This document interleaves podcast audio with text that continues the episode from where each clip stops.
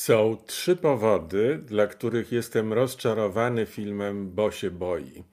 E, ten film wprowadzany był na ekrany e, z taką nadzieją, że e, przypomni nam o wielkich sukcesach kina autorskiego, kina psychologicznego, kina aktorskiego, bo w głównej roli, popisowej roli występuje Joaquin Phoenix, którego wszyscy bardzo lubimy, szanujemy i uważamy w większości za jednego z najlepszych aktorów współczesnych, współczesnego kina. E, można się więc spodziewać było po nim e, absolutnie wielkiej kreacji i niewątpliwie on był gotowy do tego, żeby dać wielką kreację, ale tak krawiec kraje, jak materii staje. E, no, mógł zagrać w ramach tego, co zostało dla niego przygotowane, a zarówno scenariusz, jak reżyseria i produkcja tego filmu są dziełem młodego 37-letniego e, artysty, który nazywa się Ari Aster. To miał być w ogóle jego debiut, ale ostatecznie y, okazał się trzecim filmem w karierze. Karierze bardzo szybko rozwijającej się i karierze, powiedziałbym, takiej bardzo obiecującej właśnie w kontekście twórcy niezależnego, twórcy intelektualnego. E, trochę to podniecenie wokół Ari Astera przypomina mi podniecenie wokół Woody'ego Allena jakieś 50 lat temu, e, prawie 50 lat temu, e, kiedy mówiło się, ach, Woody Allen, ten niesamowity, drobny, żydowskiego pochodzenia nowojorczyk, pokazuje, że kino amerykańskie może być kinem intelektualnym, autorskim, niezależnym, e, wyrafinowanym e, i niezależnym także od Hollywood. Nie bez powodu Woody Allen głównie kręcił swoje filmy w Nowym Jorku i niechętnie w ogóle ruszał się z Nowego Jorku. E, podobnie jest z Ari Asterem, wszystko się zgadza. No, no, o te pół wieku młodszy, twórca z Nowego Jorku, żydowskiego pochodzenia, e, z tym samym takim typowym zadziornym, komediowym intelektem, pełnym błyskotliwych skojarzeń. E, więc wydawałoby się, że to, no nie chcę powiedzieć nowy Woody Allen, bo niewątpliwie sposób myślenia i realizowania filmów Ariego Astera jest e, trochę cięższy gatunkowo niż Woody'ego Allena, który zawsze e, błyskał na powierzchni komedii, po prostu komedii. Komedii, która miała niespodziewaną głębię, która miewała niespodziewane takie zjazdy do podziemia ziemi ludzkiego y, umysłu i, y, y, i człowieczej emocji, emocjonalności, psychologii.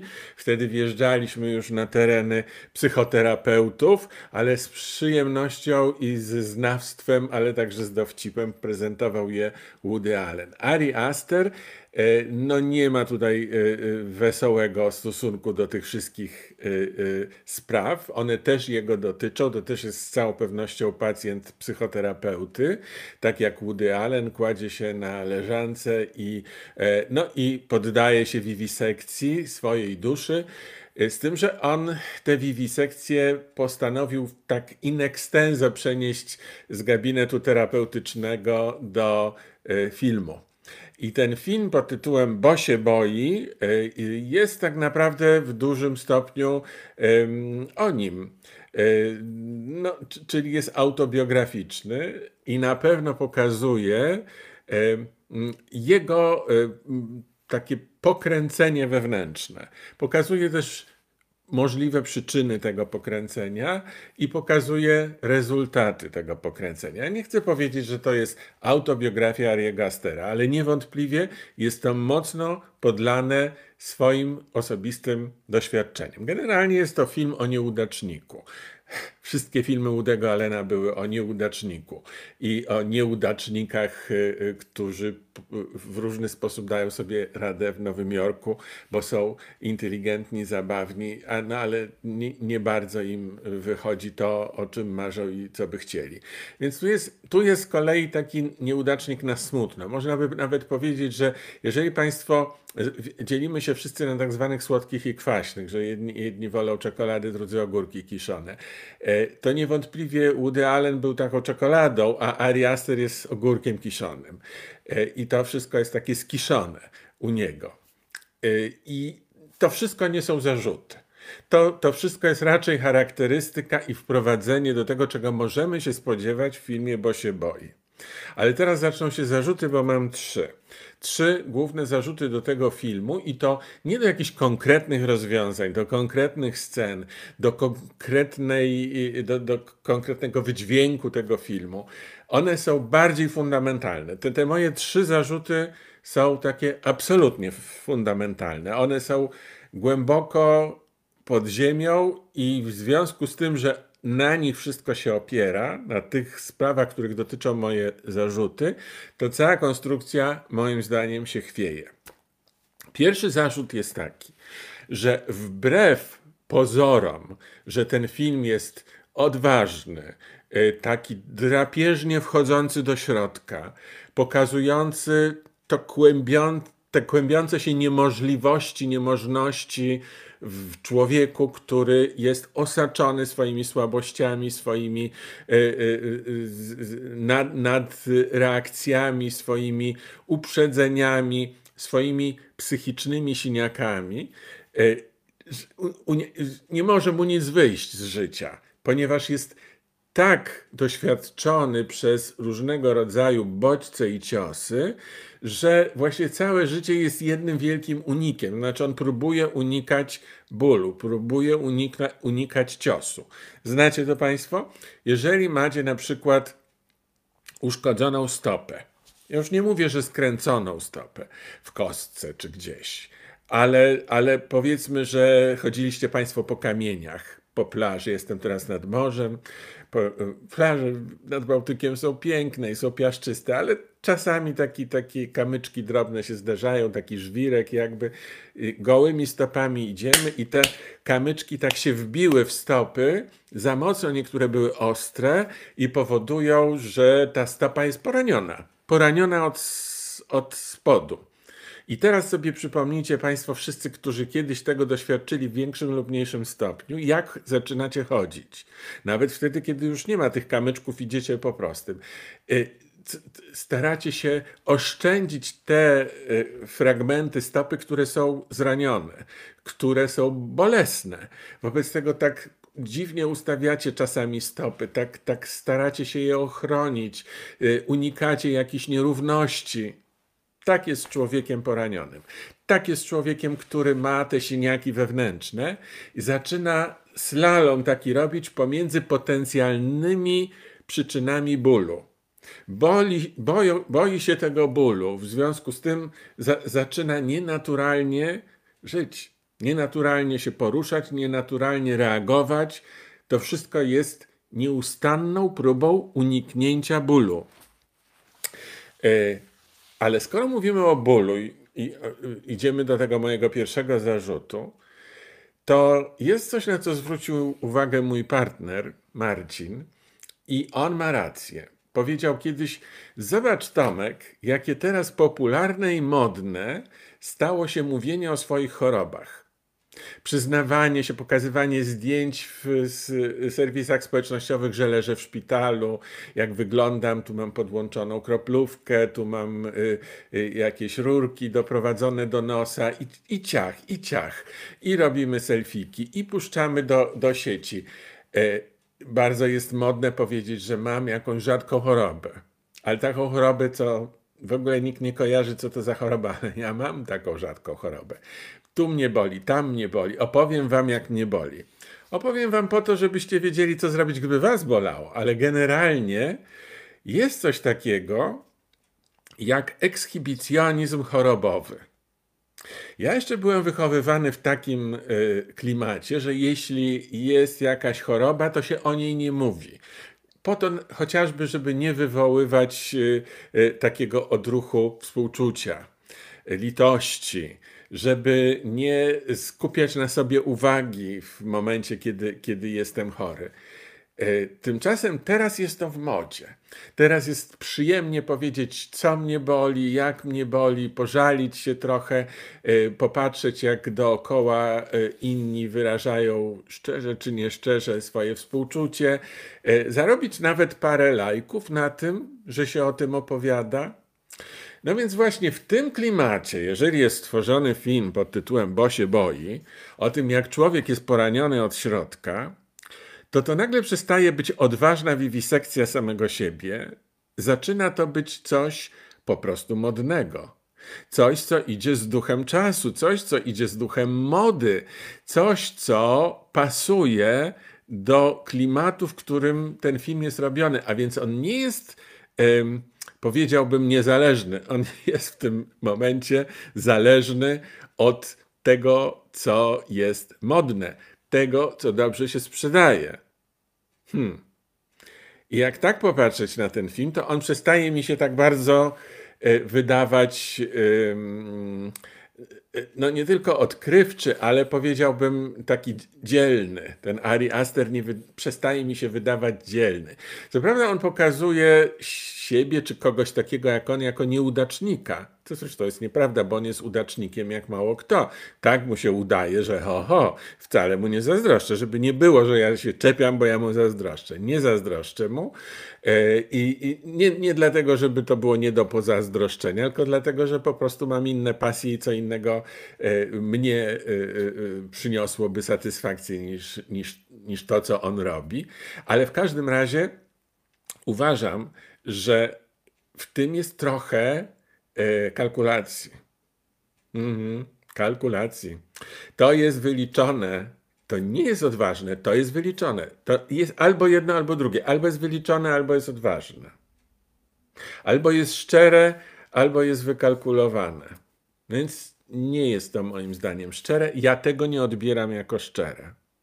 I teraz dochodzimy do drugiego punktu, który jest, rozniosą mnie w pył ci, co kochają e, takiego właśnie niezależnego Ariego Astera, bo jeszcze trzeba do tego dodać, że on jest modny sam w sobie. Ari Aster jest modny, tak jak mówienie o swoich chorobach jest modne, to Ari Aster jest też modny wśród takich e, e, akademickich intelektualistów filmowych takich, co to analizują, wszystko, co widzą film jako, jako taki E, obiekt do badania, obiekt do naukowej analizy, to dla nich Ari Aster, o jaki fajny, tam no, a tyle się da różnych tych szybek zrobić pod mikroskop, takich z, y, y, z, z wyciętymi kawałkami tkanki tego filmu i tyle się da naobserwować, potem zanalizować i porównać i pokazać, jak co z czego wynika. Cudowne dla naukowych takich y, y, y, zabawek i im się podoba Ari Aster, właśnie tak podchodzącym do kina ludziom.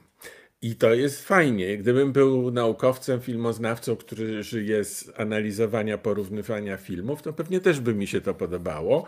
Może bym narzekał, że mogłoby być jeszcze lepiej, ale generalnie nie byłbym wrogiem tego filmu. Tymczasem ja zaraz zacznę wyglądać jak wróg, bo mam drugi zarzut wobec tego filmu i to jest taki, że nikt się nie spodziewał takiego słowa przy Ari Masterze. Otóż ja powiem wprost, moim zdaniem ten film jest pretensjonalny. Pretensjonalny. On ma pretensje do bycia e, wybitnym. On jest taki zadęty, e, że no, jak już tak się człowiek nadmie, to musi mu w pewnym momencie gaz w niekontrolowany sposób wyjść z ciała i, i, i wszyscy się wtedy patrzą po sobie albo wręcz wybuchają śmiechem. No bo się nie da aż tak bardzo nadąć na, y, na intelektualizm i na y, wybitność i na oryginalność i na niezależność. No po prostu w pewnym momencie któryś mięsień puści i wtedy gwizd się pojawi. No więc u mnie jak oglądałem ten film, to miałem takie wrażenie, że z ekranu gwizdało. Gwizdało tym wypuszczanym w niekontrolowany sposób powietrzem z tego wielkiego, pretensjonalnego nadęcia Ariego Astera. To nie jest dobry film. No nie, ja nie powiem, że to jest beznadziejny film. E, to, to, to nie jest taki film, o którym moglibyśmy powiedzieć, że, że, e, e, no, że, że to wstyd, że szkoda czasu, że, że, że w ogóle źle skonstruowany. Nie, nie, nie, nie, nie. To jest skonstruowane, to jest zrobione, to jest zagrane. No jednak ten Joaquin Phoenix, a nie tylko on, ale on w roli głównej, no daje radę. No to absolutnie, to, to nie jest w kategoriach upadku, ale to jest w kategoriach zawodu wobec oczekiwania.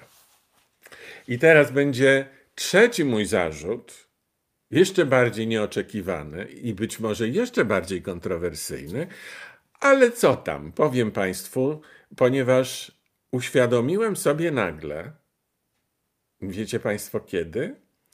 Kiedy wysłuchałem wywiadu, którego udzielił jeden z aktorów tego filmu, Nathan Lane, i on powiedział coś takiego, że ten film, bo się boi, to jest dokładnie, cytuję, żydowskie wszystko wszędzie naraz. Wszystko wszędzie naraz było takie azjatyckie. A to jest żydowskie, nowojorsko-żydowskie, wszystko wszędzie naraz. Powiedział Nathan Lane, który, jak wiadomo, sam jest właśnie przedstawicielem e, tej grupy społecznej w e, Stanach Zjednoczonych. No więc, skoro Nathan Lane to powiedział, to ja skojarzyłem sobie zaraz. Tamten film wyprodukowało studio A24. I ten film wyprodukowało studio A24. A studio A24 to jest, yy, to jest teraz takie noszony na rękach producent amerykański, niezależny, który ma pokazać, że jest alternatywa dla Hollywoodu który właśnie rozbił bank na ostatnich Oscarach za pomocą wszystkich tych statuetek przyznanych zrobionemu przez A24 filmowi Wszystko Wszędzie Naraz i który jest teraz taką nadzieją na intelektualne odrodzenie kina amerykańskiego. W związku z tym wszyscy się podniecają tym i to tak jak z komiksami jest, że ach, to, to jest Marvela, ze studia Marvela, to na pewno jest wybitne. To tak samo w dziedzinie takiego kina autorskiego, psychologicznego, artystycznego, takiego ambitniejszego, to A24 to jest taki Marvel. Ach, 24, A24. No więc jeden film, drugi film, a ja jeszcze widziałem inne filmy i seriale, i o tym też będzie w wideorecenzjach moich na tym kanale, ale za chwilę. Tymczasem mogę Państwu powiedzieć, że ta banieczka z A24 też mi się wydaje podejrzana. Oni lecą jednym sznytem. Wymyślili sobie taki, taką koncepcję e, rozwalonego świata, w którym wszystko wszędzie naraz się odbywa.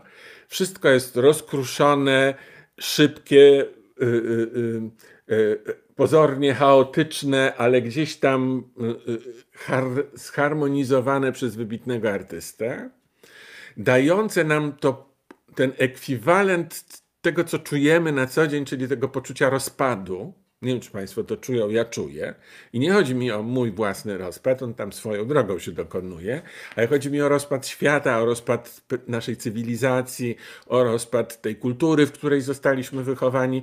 To się rozpada. Ja nie mówię, że się rozpadło, tylko że się rozpada. I nie mówię, że się ro, rozpada w 90%, ale tak w 40% to już się rozpadło.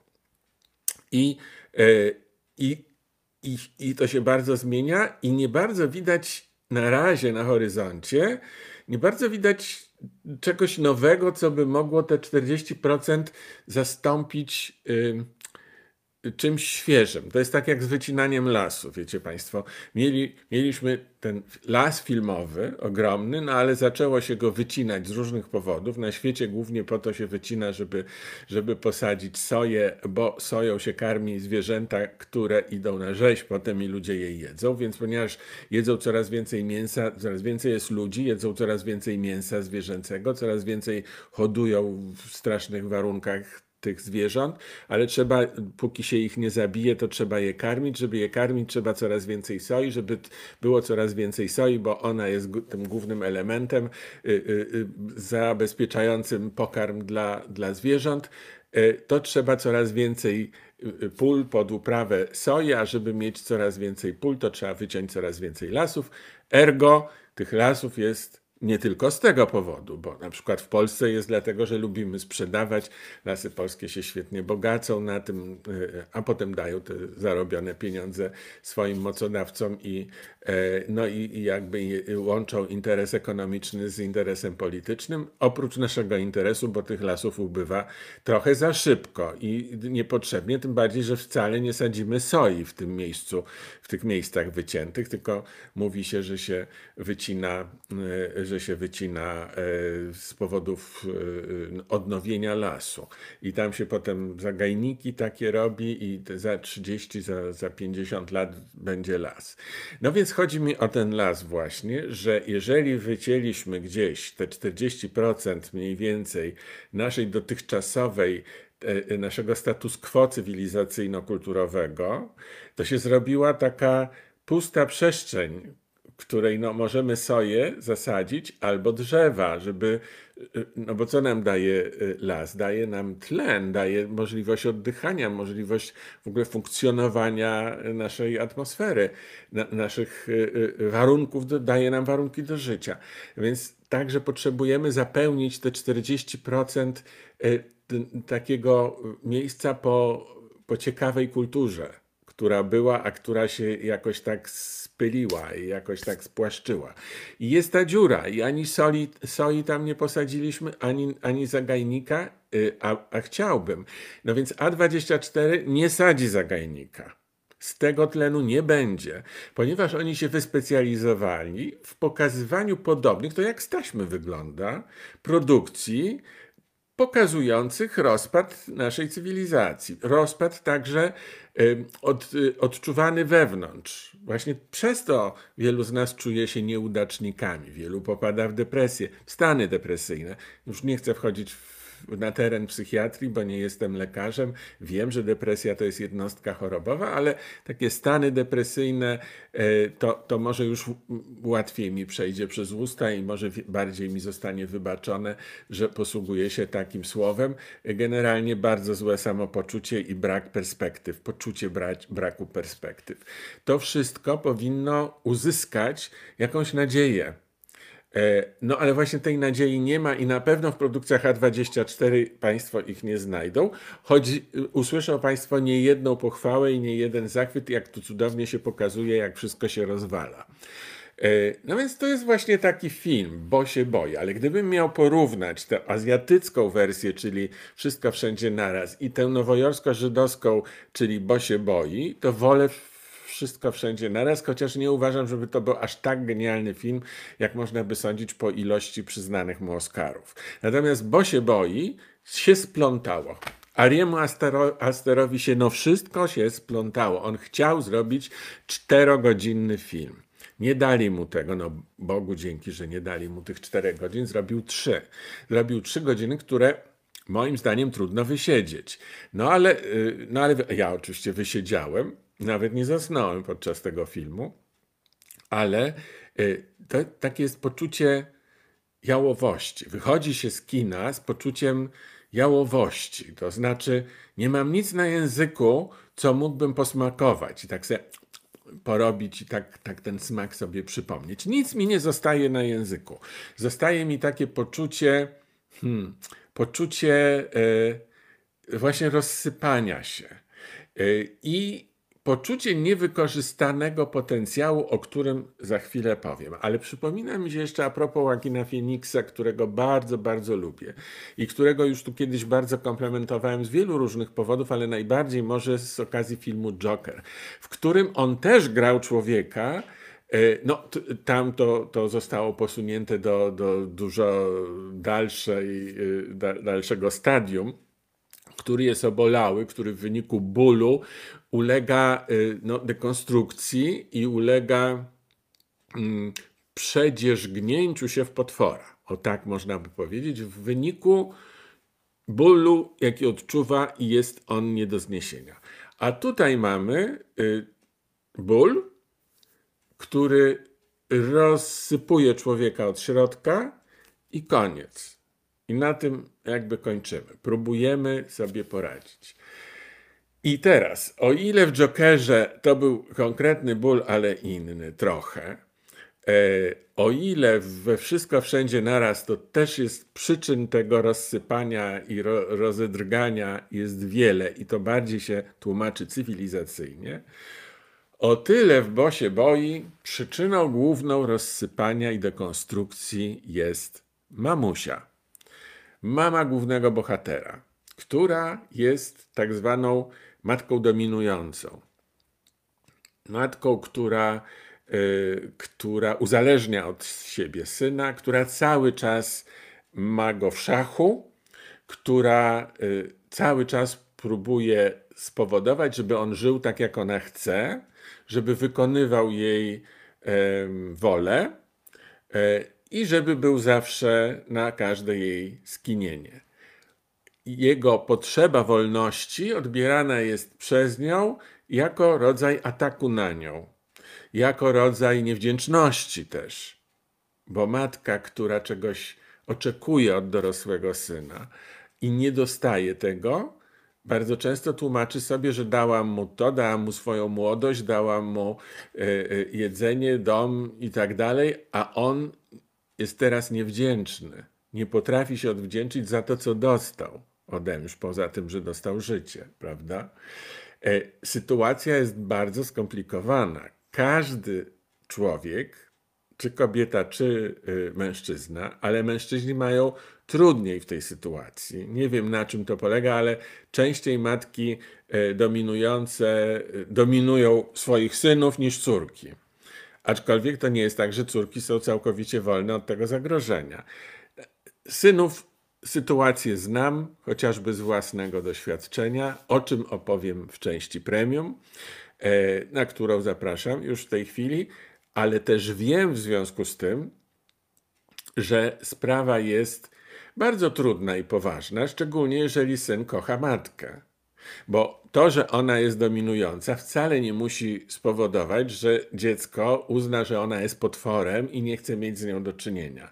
To jest pewien rodzaj wzajemnego uzależnienia, i y, dziecko czy syn, który próbuje się przeciwstawić temu zachłanne, tej zachłannej potrzebie kontrolowania dziecka przez matkę, y, jednocześnie ma poczucie winy, że to robi że próbuje się obronić, że się przeciwstawia matce, bo ją kocha i nie chce być niewdzięcznym synem, a jednocześnie chce obronić siebie, chce obronić swoją wolność, chce obronić swoją niezależność. Co robią tacy synowie najczęściej? Uciekają z domu bardzo wcześnie, kiedy tylko mogą. No, przynajmniej jak mają 18 lat, to już jest wszystko jasne, a często wcześniej.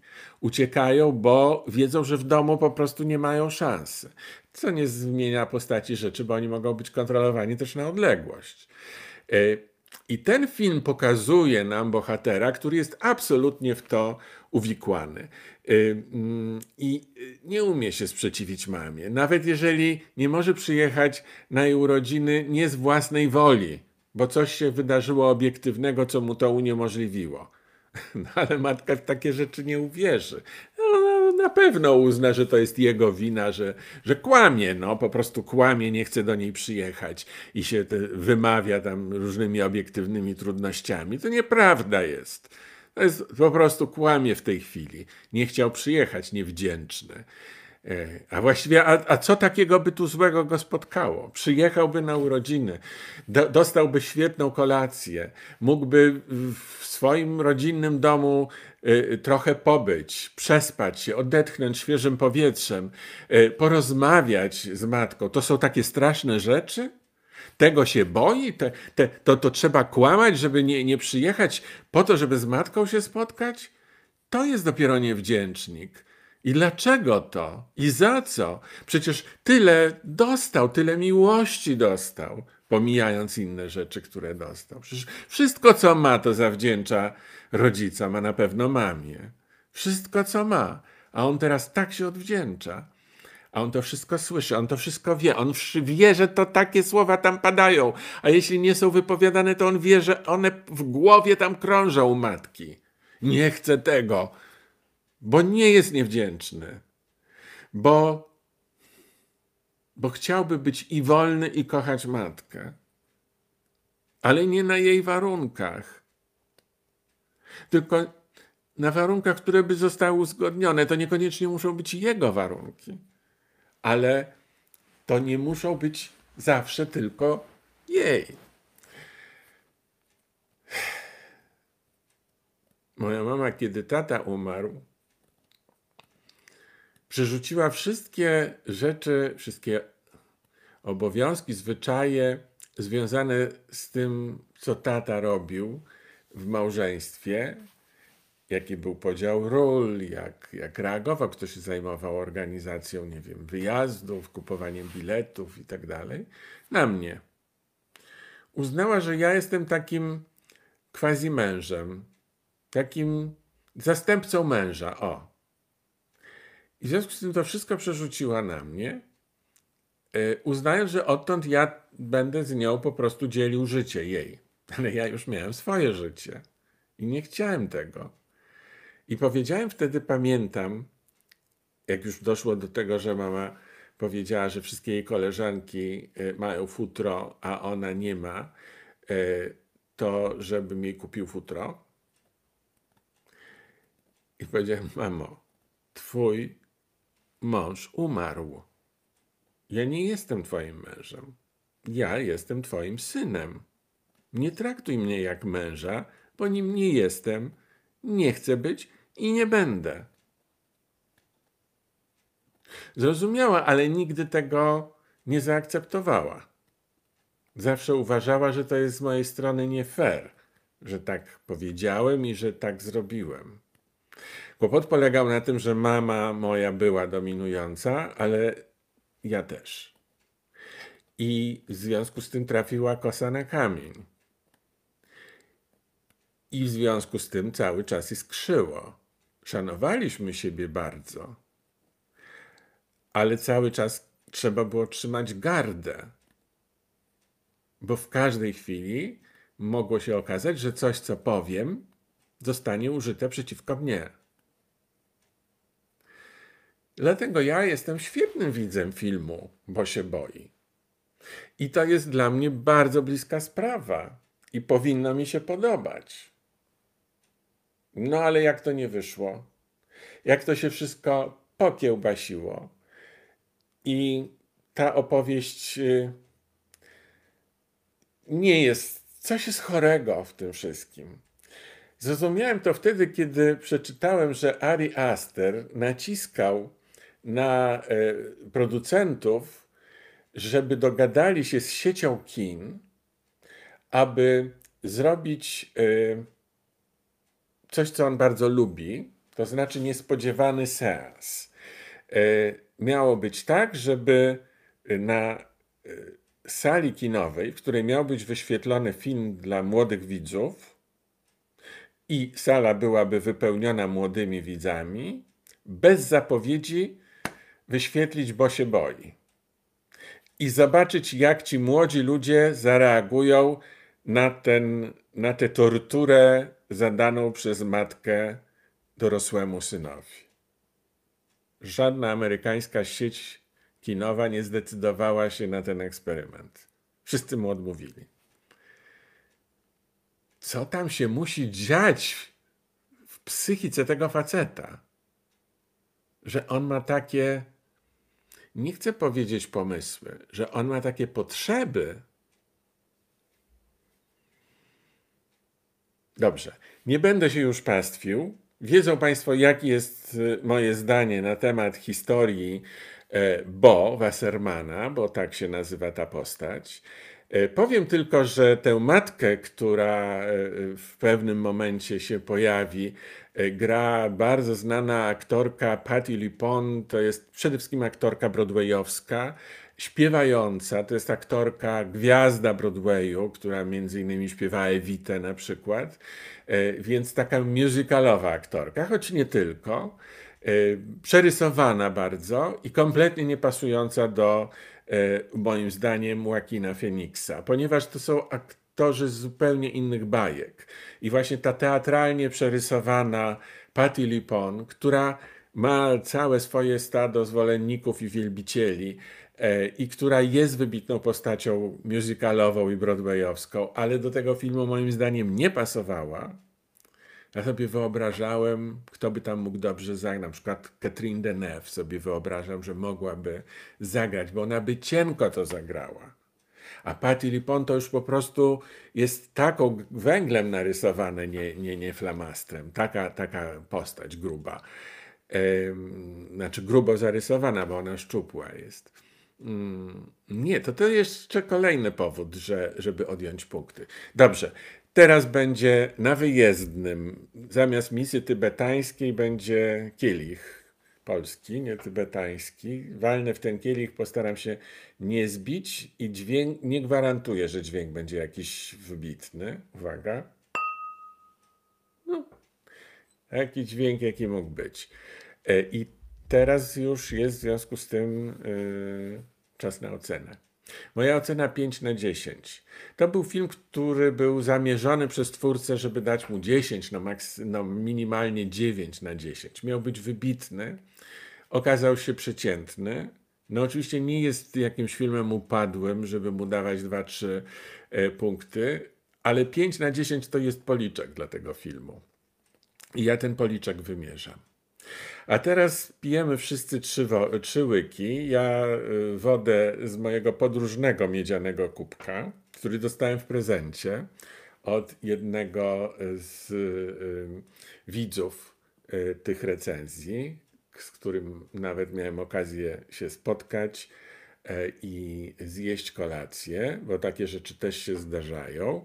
I dostałem w prezencie właśnie ten kubek, który uznałem, że będzie moim kubkiem podróżnym, więc wszystkie recenzje na wyjezdnym będą y, właśnie z tym kubkiem. No i trzy łyki wody.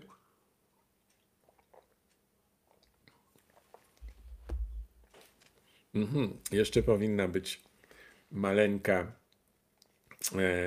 no nie misa tybetańska, ale taki mały dźwięk przypuszczający nas do y, części premium. Będzie cichutki. W ogóle coś było słychać? Ja coś słyszałem, ale kiepsko. No już wiedzą Państwo mniej więcej, co nas czeka w części premium. Muszę opowiedzieć mm, trochę więcej. Jak to się przekłada na życie E, właśnie taka relacja jak ta moja z mamą. Ja jestem jedynakiem. Byłem jedynakiem, bo już teraz rodzice nie żyją. Byłem jedynakiem z, do, z, z, takiego dobrego domu, ale też udanego domu, bo moi rodzice bardzo się kochali, żyli całe życie razem. Nie było w mojej rodzinie rozwodów. E, no, mój ojciec moim zdaniem bardziej kochał mamę niż ona jego. To znaczy, to się wszystko zaczęło od tego, że, że ojciec się w niej zakochał. A mama ciągle e, taka trochę była rozpieszczona przez swoją mamę, czyli moją babcię i przygotowywana do takiego lepszego życia. Na przykład e, moja babcia, która świetnie gotowała, nie pozwalała mojej mamie uczyć się gotować. Mówiła, ty dziecko nie, nie musisz gotować, będziesz miała służbę, która będzie za ciebie gotować. Jeszcze przed wojną tak mówiła, drugą wojną światową. Więc, e, więc mama taka właśnie była e, do lepszych spraw. E, potem skończyła medycynę, była świetną lekarką, ale zanim to się stało, no to była y, y, dziewczyną ładną, o którą się starali chłopcy, i ona ciągle nie mogła się zdecydować, y, który byłby właściwym mężem. wreszcie za nią zdecydowała moja babcia, która podobno była okropna dla tych narzeczonych mamy kolejnych, i bo każdy z nich musiał być zaprowadzony do, y, do babci. Zresztą moja mama mówiła o swojej mamie, że była dominującą kobietą, więc być może to jest jakieś rodzinne. No i ta moja babcia dawała czarną polewkę, do, właściwie dosłownie robiła czarną polewkę i, i im dawała i każdy był niedobry z jakiegoś powodu. No i pierwszy, który był dobry, to był mój ojciec, który był wystarczająco wykształcony, wrażliwy i jak powiedziała moja babcia, czysty był, miał czyste paznokcie i, i w ogóle był taki zadbany bardzo. E, to też było brane pod uwagę u, u e, kandydat, wśród kandydatów na, na mojego ojca. Ojciec był zakochany absolutnie w mamie. Mama uważano, że dobrze w takim razie, że no przyjemny, rzeczywiście czysty, dobrze wykształcony, pięknie gra na fortepianie, grał jej marzenie Schumana i, i w ogóle robi wrażenie na koleżankach, że taki y, wyjątkowy. No a potem chyba się zakochała w nim w wyniku życia z nim. Po prostu się przekonała, jakim jest dobrym człowiekiem mój ojciec no, w takim człowieku warto się zakochać, ponieważ e, no już nie tylko to będzie miłość odwzajemniona, ale też to będzie, mm, to jest człowiek wart miłości, o tak można powiedzieć. Więc myślę, że ona w pewnym momencie się po prostu przekonała, że, że ojciec jest wart jej miłości i, i trochę to było jak w nocach i dniach. E, Barbara Niechcicowa. To jest model mojej mamy, Barbara Niechcicowa. Narzekająca, chodząca ciągle coś nie tak. No i ten Bogumił, który z niej zakochany absolutnie wszystko jej wybaczał i, i mówi Basiu, ale nie przesadzaj, Basiu, wszystko będzie dobrze. To dokładnie tak samo było w moim domu. No ale jak się okazuje, mama y, przy tej całym swoim narzekaniu, trochę też jak Barbara, Barbara Niechcicowa, próbowała wszystko po swojemu ustawiać. No i mnie też ustawiała, e, e, żądając ode mnie różnych rzeczy, e, przepytując, co było w szkole na przykład, a potem słyszałem siedząc przy biurku, odrabiając lekcje, jak moja mama słowo w słowo, co ja opowiedziałem, co było w szkole, przekazywała kolejnym koleżankom przez telefon i dostawałem po prostu, zalewało mnie ze złości i ze wstydu, że wszystko, co ja mojej mamie szczerze i, i, i powiedziałem tak prywatnie, jak syn do matki, to ona potem wygaduje do swoich koleżanek przez telefon i, i, i, i robi ze mnie jakiegoś dostarczyciela newsów. I to bardzo, bardzo, bardzo mnie wtedy bolało i spowodowało zresztą, że ja przez długi czas y, wymyśliłem sobie jeszcze jako uczeń, że y, wracając do domu, ze szkoły, wymyślałem, co mamie powiem, że się zdarzyło w szkole. I wpadłem szybko na to, że jeżeli będę to wymyślał i będę mówił rzeczy, które się nie wydarzyły, to będę w ten sposób niejako zabezpieczony. To znaczy, niech ona sobie potem gada i opowiada koleżankom, e, a to mnie nie dotyczy, bo to i tak nieprawda. To sobie może gadać. E, I w ten sposób się e, blokowałem, zabezpieczałem, zamykałem przed własną matką. Taki jest efekt y, właśnie takiej e, dominującej matki, która jest bezwzględna w wykorzystywaniu emocjonalnym e, miłości dziecka. No i w związku z tym, że ja miałem tego dowody takie i że ciągle w moim domu mama stawiała na swoim, bo wreszcie zawsze ojciec jej, nawet jak nie miała racji, ja widziałem, że nie ma racji, to i tak jej ustępował. Mówił, ja mówię, tato, no ale przecież to nie jest tak, jak, jak mama mówi, ty masz rację. A, a mój ojciec mówi, a daj spokój, no, czy to warto się kłócić? No taka matka jest, no i się nie zmieni. E, ja miałem w sobie takie poczucie cały czas, e, że to jest niesprawiedliwe, że tak nie powinno być.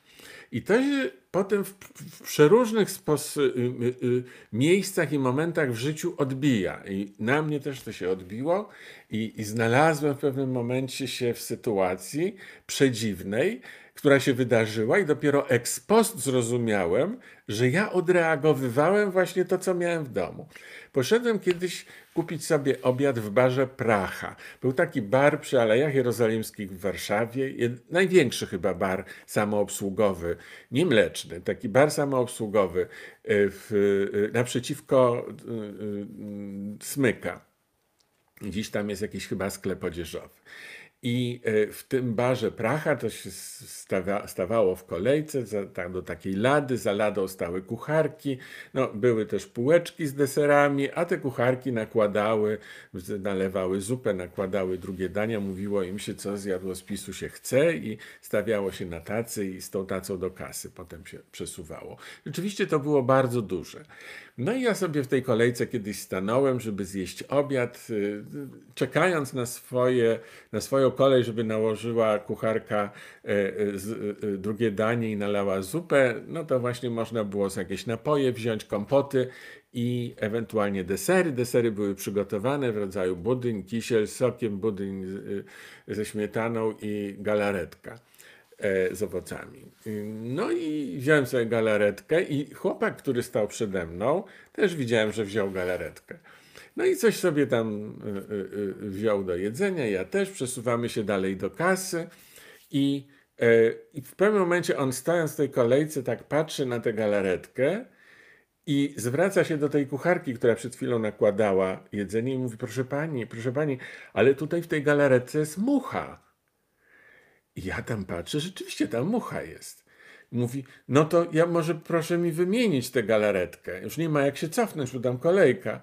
A ona podchodzi, tak, o, galaretka taka jest w szklance, a ona podchodzi i mówi, gdzie jest ta mucha? On mówi, no tu jest ta mucha.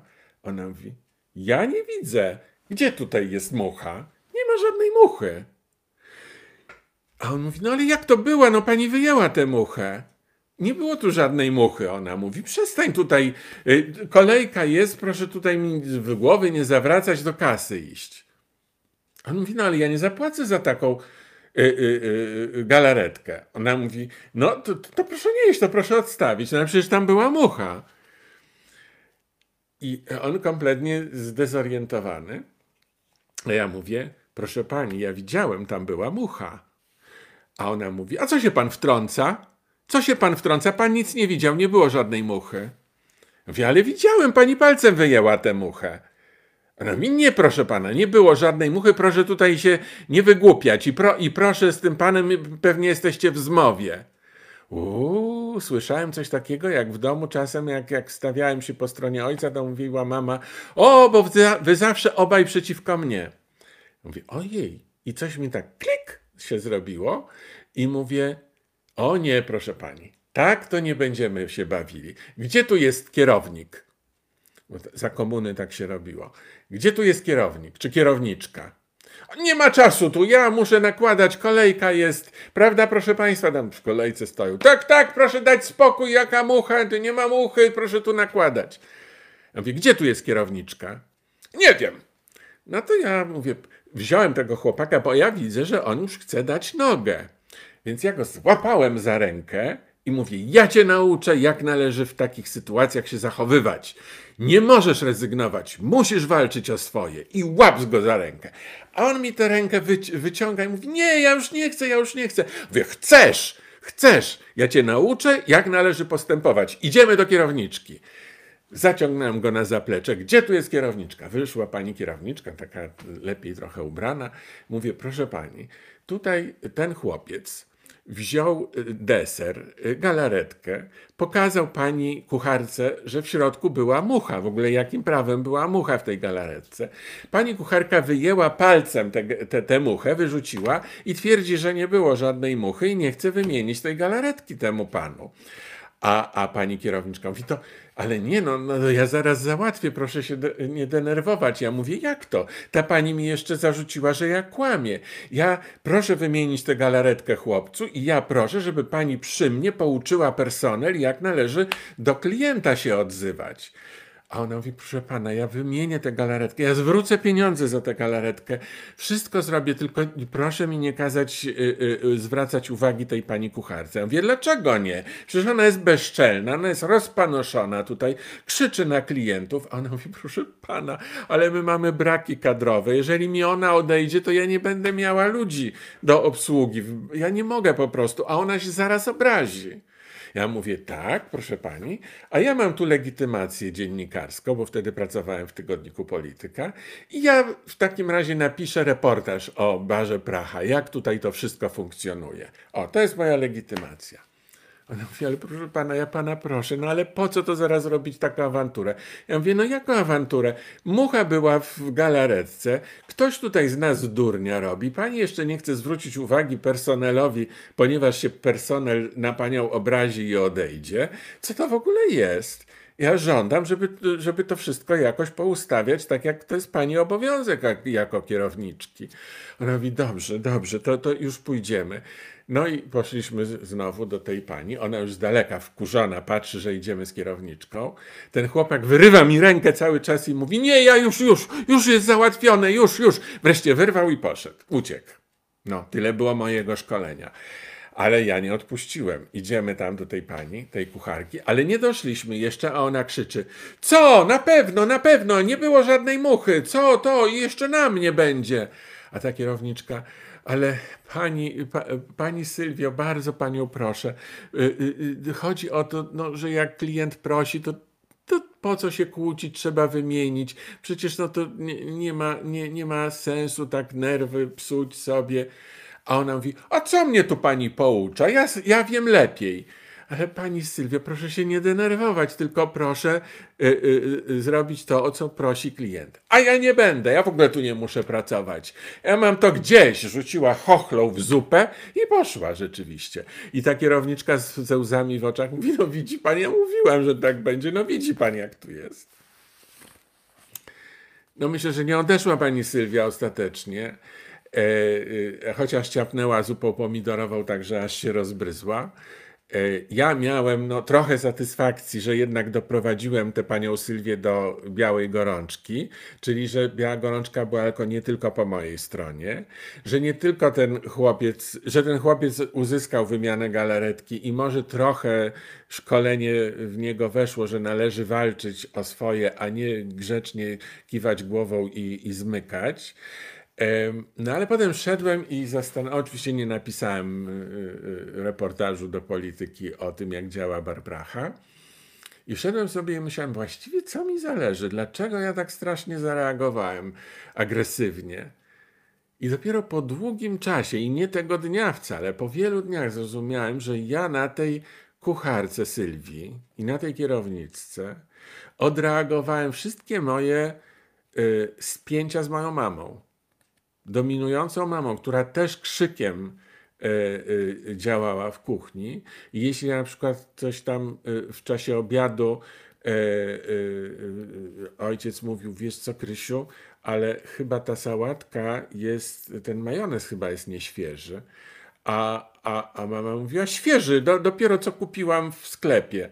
To ja brałem wtedy jako że byliśmy w zmowie z ojcem, więc brałem ten słoik i sprawdzałem, mówię, wiesz co mamo, ale tutaj data ważności kończy, skończyła się trzy dni temu. A mama mówi, nieprawda, pani Wacia, to sprzedawczyni w naszym sklepie, pani Wacia mi powiedziała, że to jest data produkcji, a nie data, y, y, termin ważności do spożycia. Mówię, no ale jest napisane termin ważności do spożycia. Pani Wacia mówi, że oni tylko tak piszą. Na co mój ojciec mówi, aha, no to ja nie będę jadł tej sałatki. Na co mama zaczyna krzyczeć, że oczywiście wszystko przeciwko mnie nie dość, że haruje od rana do wieczora w tej kuchni, żeby wam pyski czymś y, napełnić, to jeszcze teraz będą grymasić, że niedobre, bardzo dobre.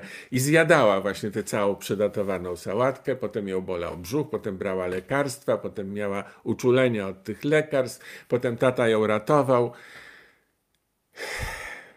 No ja to wszystko w barze pracha na pani Sylwii odreagowałem.